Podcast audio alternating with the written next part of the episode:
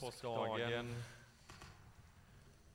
Och vi eh, finns i Lukas, alla ni som har varit med i den här församlingen sedan advent har följt med hela vägen från första kapitlet och nu är vi snart i mål. Jesus Kristus är uppstånden. Och vi ska läsa några av de sista verserna i Lukas evangelium. Gabriel inledde och jag fortsätter. Vi ställer oss upp tillsammans och lyssnar till Guds ord från Lukas kapitel 24 och vers 36.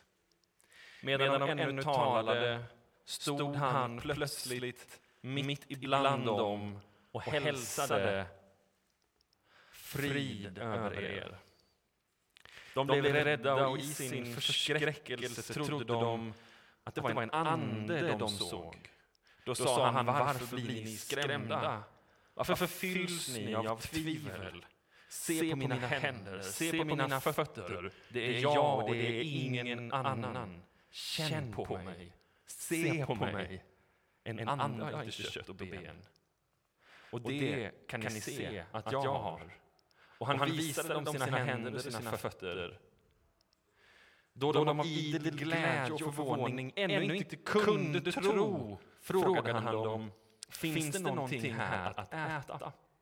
De räckte honom då en bit stekt fisk och de såg hur han åt den. Han sa till dem, detta är vad jag sa till er när jag ännu var hos er. att allt måste uppfyllas som står skrivet om mig i Mose lag, hos profeterna och i psalmerna. Sedan öppnade han deras sinnen så att de kunde förstå skrifterna. Och han, och han sa till dem, detta är alltså vad skriften säger, Messias ska lida och uppstå från de döda på tredje dagen och syndernas förlåtelse genom omvändelse ska förkunnas i hans namn för alla folk med början i Jerusalem. Ni ska vittna om allt detta. Och jag ska sända er vad min fader har lovat. Men ni ska stanna här i staden tills ni har blivit utrustade med kraft ifrån höjden. Herre Jesus Kristus, tack för ditt ord. Tack för ditt livgivande ord. Tack för att du idag vill fylla oss med allt ditt goda. Med ett hopp för nutiden och för framtiden. En bro in i evigheten. Herre, tack för ditt liv, för ditt vittnesbörd, för din uppståndelse. Tack för att vi idag får vara samlade som ett vittne om detta liv. I Jesu namn. Amen. Varsågod och sitt.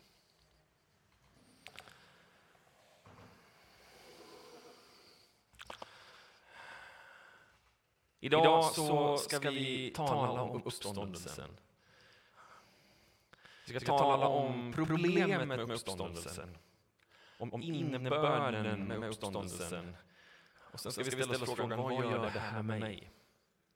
Problemet med uppståndelsen, om innebörden av uppståndelsen och vad gör det med mig?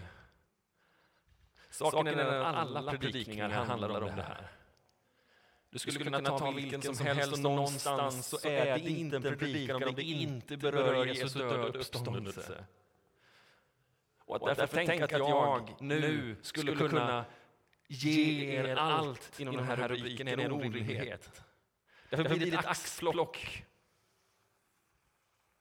Problemet med uppståndelsen, jag tänker på två stycken saker. Det första handlar om lärjungarna. För i någon mening så är den här texten ganska så knepig, tycker jag. Det är som att lärjungarna bara vägrar att tro. De har följt honom i tre år. Det här är inte första gången de ifrågasätter honom, tvärtom, de har gjort det gång på gång på gång.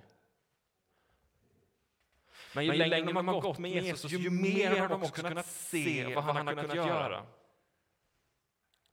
De har sett Jesus hur han har mött människor på deras nivå. Han har talat med dem som man inte fick tala med, rört vid dem man inte fick röra vid. han har kallat de människor till sina lärjungar som man aldrig trodde skulle bli kallade. Han har omkullkastat ordningar, vänt upp och ner på tankesätt. Förutom det har han dragit det omöjliga ner på jorden. De, de sakerna som man bara hade hört talas om, som man inte trodde att man själv skulle få se. Det som, som profeten hade gjort lite då och då, det överflödade i Jesu liv. Människor kom till honom och vid vissa tillfällen står det att alla på den platsen blev helade. De blinda fick syn. De lama kunde gå, de döva kunde höra. Och de hade själv fått vara med och göra det här. Jesus hade sänt dem ut två och två, de 72 lärjungarna gick ut och de kom tillbaka och berättade för Jesus att vi har varit med och gjort det här i ditt namn. De åkte över med båten till andra sidan Galileiska sjön och där så var det samlat en mängd folk. Jesus bryter brödet och det bara fortsätter att växa. Och så ger han mat till tusentals människor och de var där. På vägen tillbaks. De tar sig över. Jesus är inte i båten. Det blåser upp till en storm.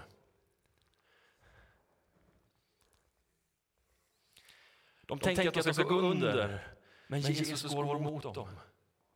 De tror då att han är en ande. Men Jesus säger det är jag. Petrus säger om det är du så låt mig få komma till dig. Och Petrus kliver ut och går på vattnet och han börjar sjunka när han tvivlar men Jesus drar honom upp och sen stillar han stormen och allting blir lugnt. Bara någon vecka innan så har Jesus varit med sina vänner sörjt Lazarus. En av hans bästa vänner hade dött och han kallar honom ut ur graven och han får liv. Lärjungarna har sett allting. Varför tvivlar de här? Förutom det, jag vet inte om ni märkte det, men Gabriel läste det en gång och jag en gång. Det är som att Jesus verkligen vill göra en poäng av detta. Eller att Lukas verkligen vill göra en poäng av detta. Att jag har sagt er detta tidigare. Inte mindre än tre gånger har alltså Jesus sagt, jag kommer att uppstå. Jag kommer att dö, jag kommer att uppstå. Jag kommer att gå till Jerusalem, jag kommer att dö, jag kommer att uppstå. Jag kommer att möta er på den tredje dagen.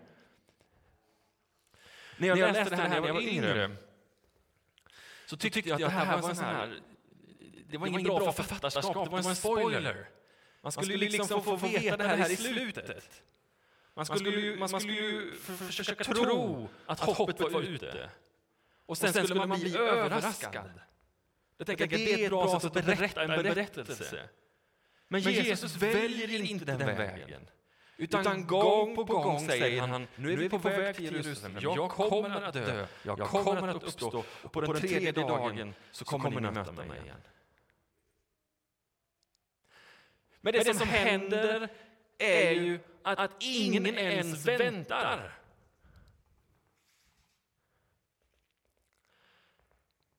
De är nedslagna. De sitter där hemma tillsammans. Och de, och de tänker allt är över. Och så tänker det här är ett problem. Om texterna verkligen stämmer så borde ju de i alla fall haft någon tanke på att de skulle förvänta sig Jesu uppståndelse.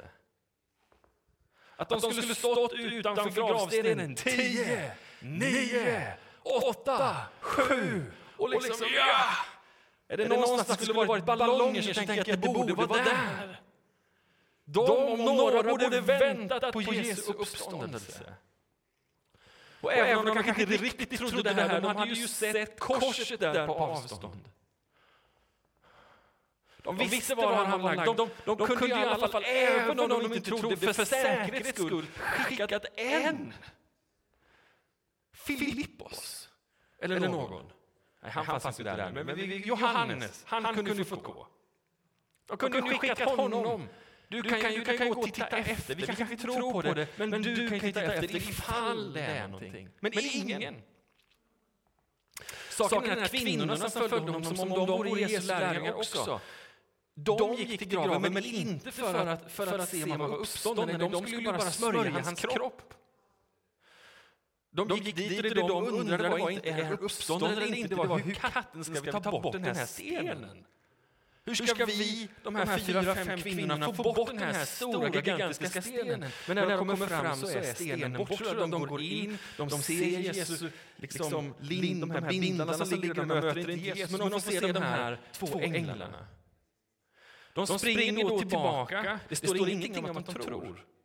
Men de springer tillbaka till lärjungarna. Och de berättar att graven är tom. Inte ens då trillar polletten ner. Det, det står att lärjungarna var fulla av tvivel. Inte mer än en beskrivs det här. Springer iväg och kollar och det är Petrus. Johannes beskriver att det är två stycken, det är Johannes och det är Petrus som springer bort och kollar. Men de andra struntar i det. De tänker att de här har liksom fumlat bort kvinnorna. De är lite, de är lite uppskärrade. Det de har varit med om, det tar inte vi på allvar. Och så, och så tänker jag, det här är ett problem. Hur kan, Hur kan det här stämma? Hur kan det här vara vår berättelse om lärjungarna som är så svårt för att tro? Det är som att texten inte riktigt hänger ihop. Det är det ena problemet. Det andra problemet har inte med texten att göra, eller jo, det har det. Det har, det har ju med att mirakler överhuvudtaget är någonting som vi inte tror på. Så det, så spelar ingen roll om de här undren har hänt. Vi, vi tänker ju att allting är fabricerat. Att de, de evangelisterna som har skrivit det här, de som har författat de här texterna, Ja, de, de har gjort det för att bevisa att Jesus verkligen är uppstånden. De vill bygga sitt eget ministry. De vill visa på någonting som liksom, det här har hänt, även fast det nu inte skulle ha hänt. Saken är den att så fort som kristen tro började spridas så började man att argumentera för att de här texterna var fabricerade och att det inte hade hänt. En av de sakerna som var mest tydliga med att det var ett problem det var att det var just kvinnor som hade berättat om det. Om vi går till, om vi går till Johannes evangelium, och, som berättar om detta, så är det just en kvinna, och det är Maria Magdalena, som tidigare har beskrivits som en mycket problematisk människa, mycket tungt liksom, liksom förflutet. En synderska som rör sig bland gravarna ensam i gryningen.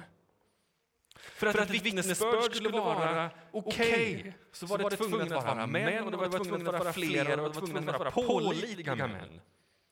Ingenting av kriterierna finns här. Så då, så då sa man tidigt i romarriket, när man liksom, liksom försökte tala om det här, det här kan vi avfärda. Det är kvinnor, de var ensamma, de var opolitliga och de ska vara evangelisterna. Saken är den att det som då var en nackdel är ju idag en styrka. För om, någon hade tänkt att fabricera detta så hade man aldrig valt det upplägget. Inte någon hade valt det upplägget. Då hade man sagt att det var fem stycken fariseer som gick fram. De betraktade och de såg och de vittnade för alla att det här hade hänt. Men det är inte det som står. Det är ensamma, bekymrade kvinnor som, som blir skärrade av detta och som, som är de första evangelisterna. Ja, de, de första som är utsända av Jesus, alltså de första apostlarna, är de här kvinnorna som berättar om detta. Och varför är det beskrivet på det sättet? Därför att det händer på det sättet. Den andra delen, om det skulle vara så att apostlarna skulle vilja bygga sitt eget ministry, sin egen kyrka och skulle vilja bli kända på det här själva. Varför skulle de målat upp sig själva på det här sättet? Genom hela evangelierna så beskriver de sig själva som tvivlande. De har svårt att tro även fast det är mitt framför deras ögon. De har svårt att fatta någonting när Jesus säger utan att förklara det om och om igen. Petrus som är den största och den starkaste, han är den som erkänner Jesus först men också den som sviker Jesus tre gånger innan. Han springer här till graven men det står ingenting om att han tror. När kvinnorna kommer till honom, inte ens då tror han. Först måste Jesus komma in i huset, visa händerna framför Inte ens då tror han. Han måste öppna deras sinnen först. På ett övernaturligt sätt. Då kan han tro. Ponera att de har fabricerat den här berättelsen. Skulle man då skrivit den på det här sättet? Och om det var så att det var fabricerat, senare när förföljelsen kommer, det dröjer bara några år, så står de där och säger om du tror på Jesus Kristus, om du håller fast i det här, då kommer vi att avrätta dig. Men det du behöver göra det är bara att säga att du inte tror. Inför det här faktumet stod först Jakob och han led martyrdöden. Senare stod varenda apostel inför samma faktum och alla dog utom Johannes för han var den enda som inte ställdes inför det. Han dog istället på en ö som fånge.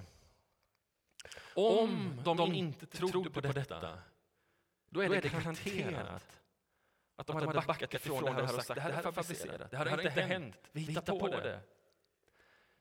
Är det, är det någonting som vi kan säga så är det. Vi vet inte om det är sant.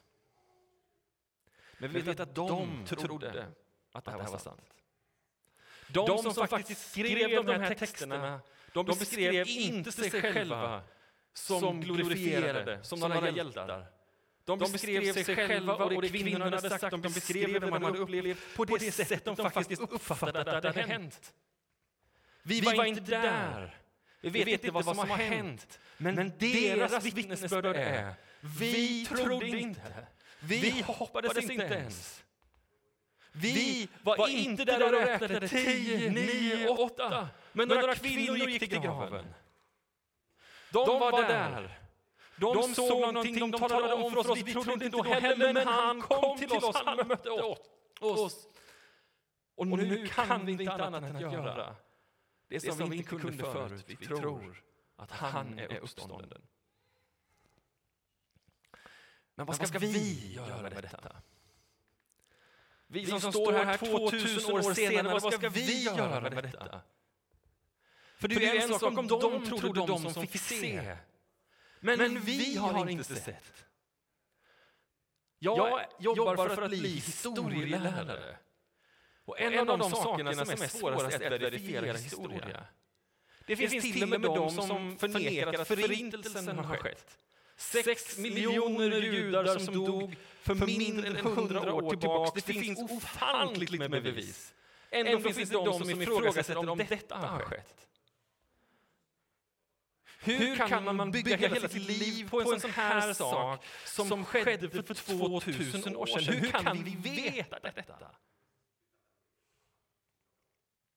Ja, vi vet att de trodde på det här, men vi själva var inte där. Du skulle, skulle kunna argumentera fram och tillbaka, fram och tillbaka i din tanke. Och du, och du kan aldrig bli säker på att detta har skett.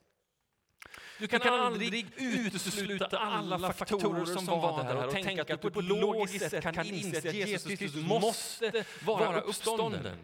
Saken är den inte ens om han visar sig för dig här framför dig med sina händer kan du 100% veta att han uppstod för 2000 år sedan.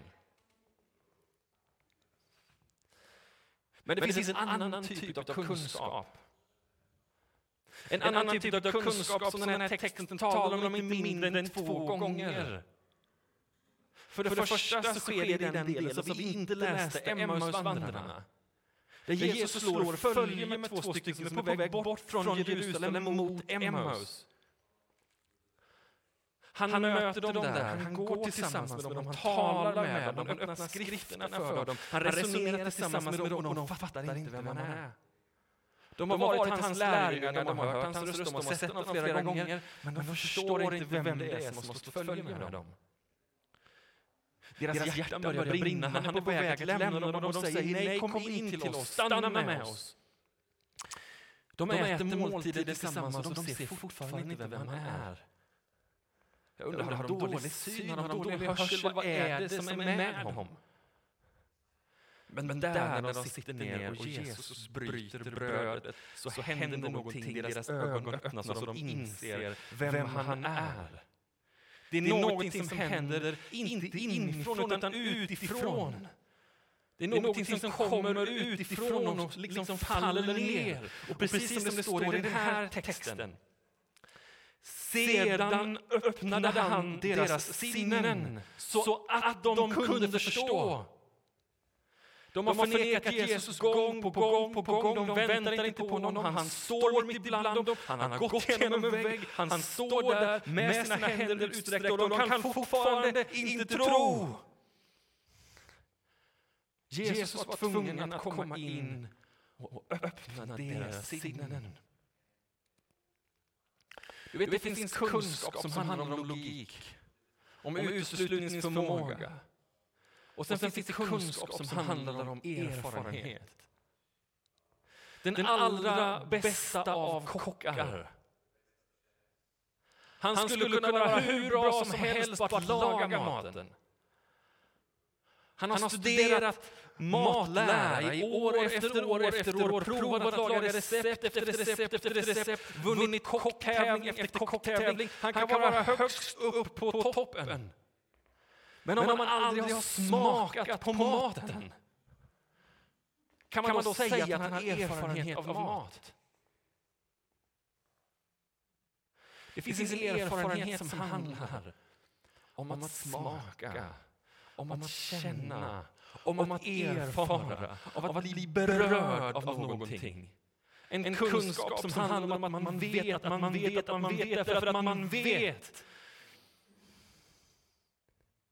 Vår tro handlar om att vi visst kan tro och anta att uppståndelsen är rimlig. Men framför allt så tror vi att Gud med sin ande vill möta dig där du är idag. Han vill öppna dina ögon och svara på de frågor som du ställer dig så att du kan få ett personligt möte med den uppståndne Kristus. Därför står vi på samma plan som de gjorde. Vi kan säga att vi vet inte. Vi kan säga att vi vill kanske inte ens tro. Vi kan säga att jag har svårt att tro. Men om vi säger att vi vill tro så kan vi öppna våra hjärtan för honom och vi kan säga tala till mig. Öppna mina ögon, öppna mitt sinne så att jag kan se dig för den som du är.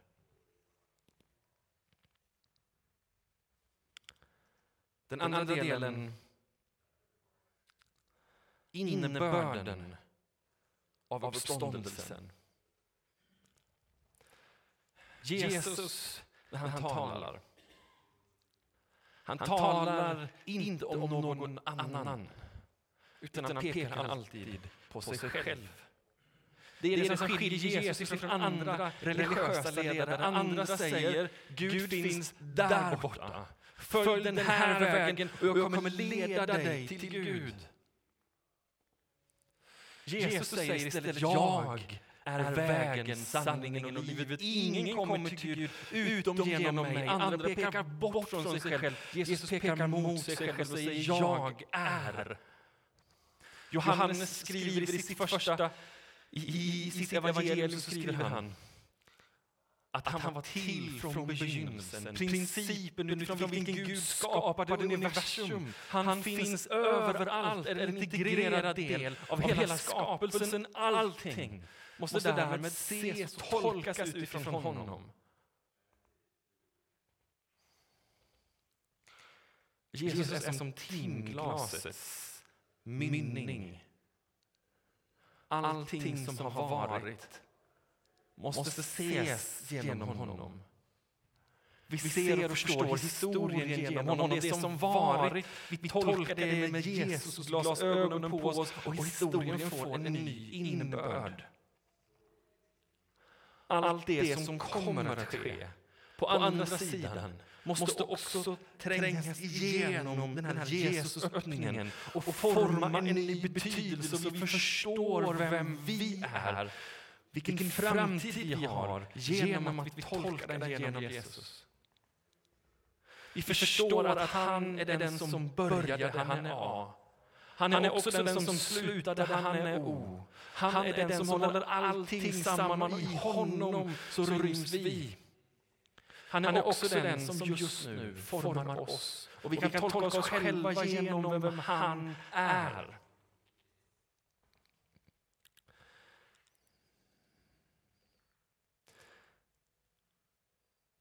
Jesus kommer till lärjungen och säger han Känn på mig och se på mig. En, en ande har inte kött och ben. Och det, det kan ni se att jag har. Varför har Lukas lagt in det här?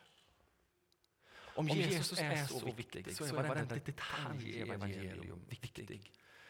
Det kastar oss framåt och vi ser någonting av framtiden. Han är den som har gått före och vi går efter. Det som har hänt med honom, det kommer att hända med oss. Så graven var tom. Låg det någon kropp kvar där? Nej. Graven var tom, så hans kropp var borta. Han är uppstånden, han har en ny kropp. De kan inte riktigt känna igen honom, men det är ändå samma kropp. De, de tänker först kanske är det en ande som kommer emot honom. Men för Jesus är det viktigt att säga nej, jag är inte en ande. Jag är kött och blod. Jag är en kropp som står inför er. Varför är det viktigt? Jesus talar om vår framtid. Jesus talar inte bara om vad som händer med honom, utan också vad som händer med oss. Jesus sa till dem, stunden har kommit och Människosonen ska förhärligas. Sannerligen, jag säger er, om vetekornet inte faller i jorden och dör förblir det ett ensam korn. Men om det dör så ger det rik skörd. Han tar bilden om att han är som det här ensamma vetekornet. Och när det dör så blir det till något nytt. Det är samma korn, samma DNA, samma substans. Men det uppstår till en ny skapelse. Paulus skriver, när jag var barn talade som ett barn, förstod som ett barn, tänkte som ett barn. Men sedan jag blev vuxen har jag tagit bort det barnsliga. Ännu ser jag en gåtfull spegelbild. Då ska vi se ansikte mot ansikte. Ännu är min kunskap begränsad, då ska den bli fullkomlig som Guds kunskap om mig. Det vi anar här är det lilla. Att det vi ser nu, det här är jag. Men det här är också bara ett vetekorn. En gång kommer den här kroppen att dö. Jag kommer läggas i en grav och jag kommer förmultna. Maskar kommer att äta upp mig. Det är döden. Och det, väntar oss allihopa. Därmed har döden segrat. Vissa av oss har ett hopp att då ska min ande leva vidare.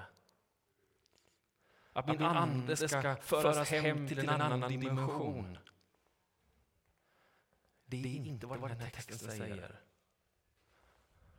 Den här texten säger att Jesus kropp lades i graven och sen uppstod han med kropp,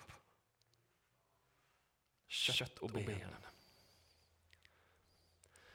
Han, han uppstod till en ny kropp, hans gamla kropp var borta, den förvandlades och det talar om vårt hopp om framtiden.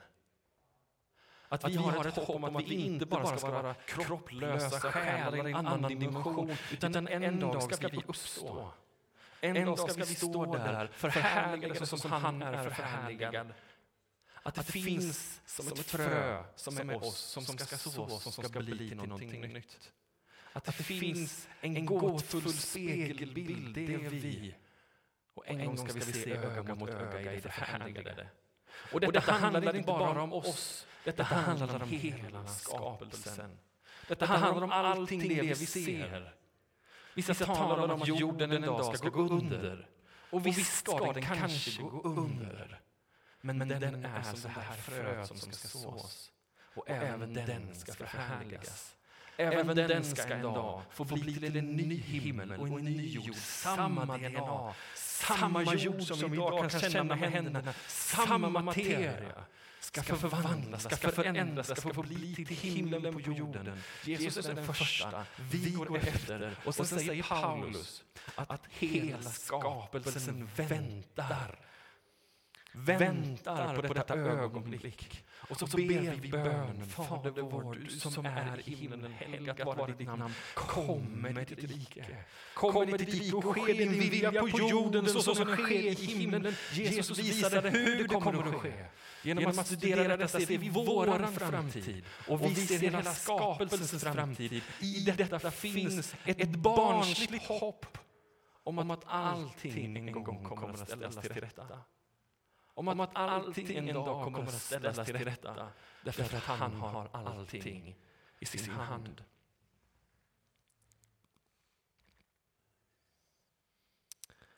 Så vad gör det här med mig?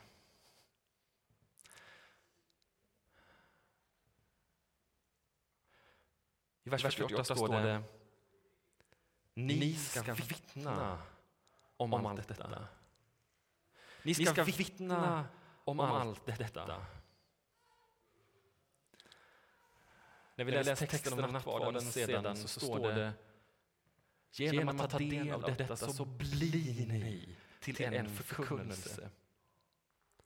Att vittna, att förkunna, att bli till någonting större än vad vi är.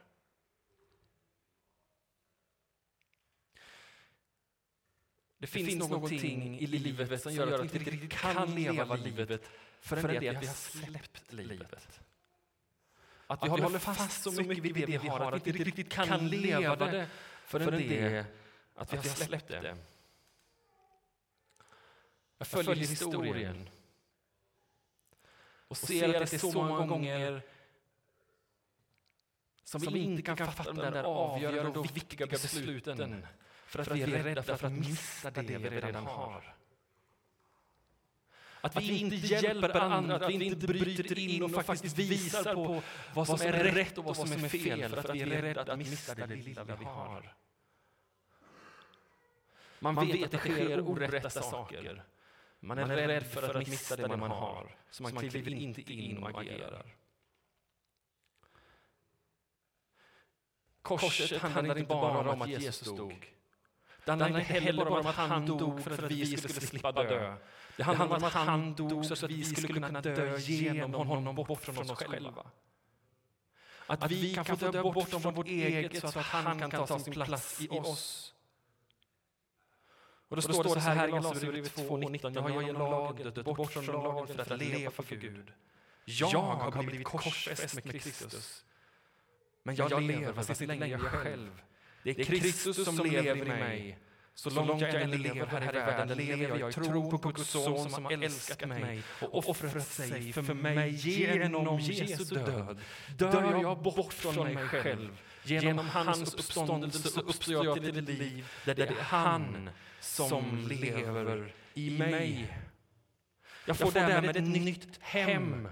Mitt hem handlar inte om allt jag har här. Mitt hem handlar om vad jag en gång kommer att få. Jag blir därmed en gäst och en främling på den här platsen. Jag tillhör denna världen. Å andra sidan tillhör jag inte den här världen, utan jag tillhör det som kommer. I Hebreerbrevet 11 och 13 så står det om alla de som har funnits i tron. I tro dog alla dessa, utan att ha fått vad de blivit lovade. De hade bara sett det i fjärran och hälsat det och bekänt sig vara gäster och främlingar på jorden. De, de talar så de, de visar att de söker ett hemland.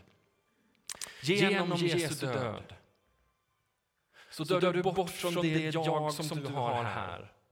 Genom hans uppståndelse uppstår du till ett nytt medborgarskap. Du förstår då vem du tillhör och vem du är för framtiden. Du blir fri från världen och du blir fri till att tjäna världen. Du blir fri från världen. Det betyder inte att vi ska söka att lämna den. Det betyder inte att vi ska tänka att vi inte tillhör den. Du blir fri från dess bojor därför att du tillhör en annan värld. Först då kan du kliva in och tjäna. Först då kan du kliva in och bli till ett vittnesbörd. Genom att följa Jesus i hans död, genom att kliva in och bli en del av hans uppståndelse så har du lämnat det som binder dig. Du kliver in i framtiden. Framtiden blir ditt hem, vilket gör att du blir en person som ingen kan röra. Du är redan död, vem kan hota dig med döden? Ditt jag finns hos honom och livet är det som väntar dig. Det finns två stycken delar som korset ger till dig. Det ger dig ett exempel av kärlek. Att han älskar dig enormt mycket. Och genom det så drivs vi av kärlek framåt. Och han plockar också bort rädslan för döden.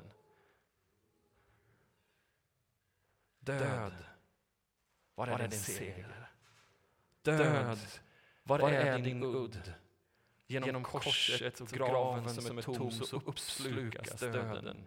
Och vi behöver inte längre vara rädda för att vi inte kommer finnas mer. För i honom så lever evigheten i våra hjärtan. Det är ett frö som en gång sås. Och när det sås så är det som den där potentialen som ligger där och som en gång kommer att blomstra och ge oss ett nytt liv tillsammans med honom. Du död, var är din seger, du död? Var är din udd? Jesus Kristus tog udden av döden. och vi får tillsammans i hopp stå och säga Kristus är uppstånden.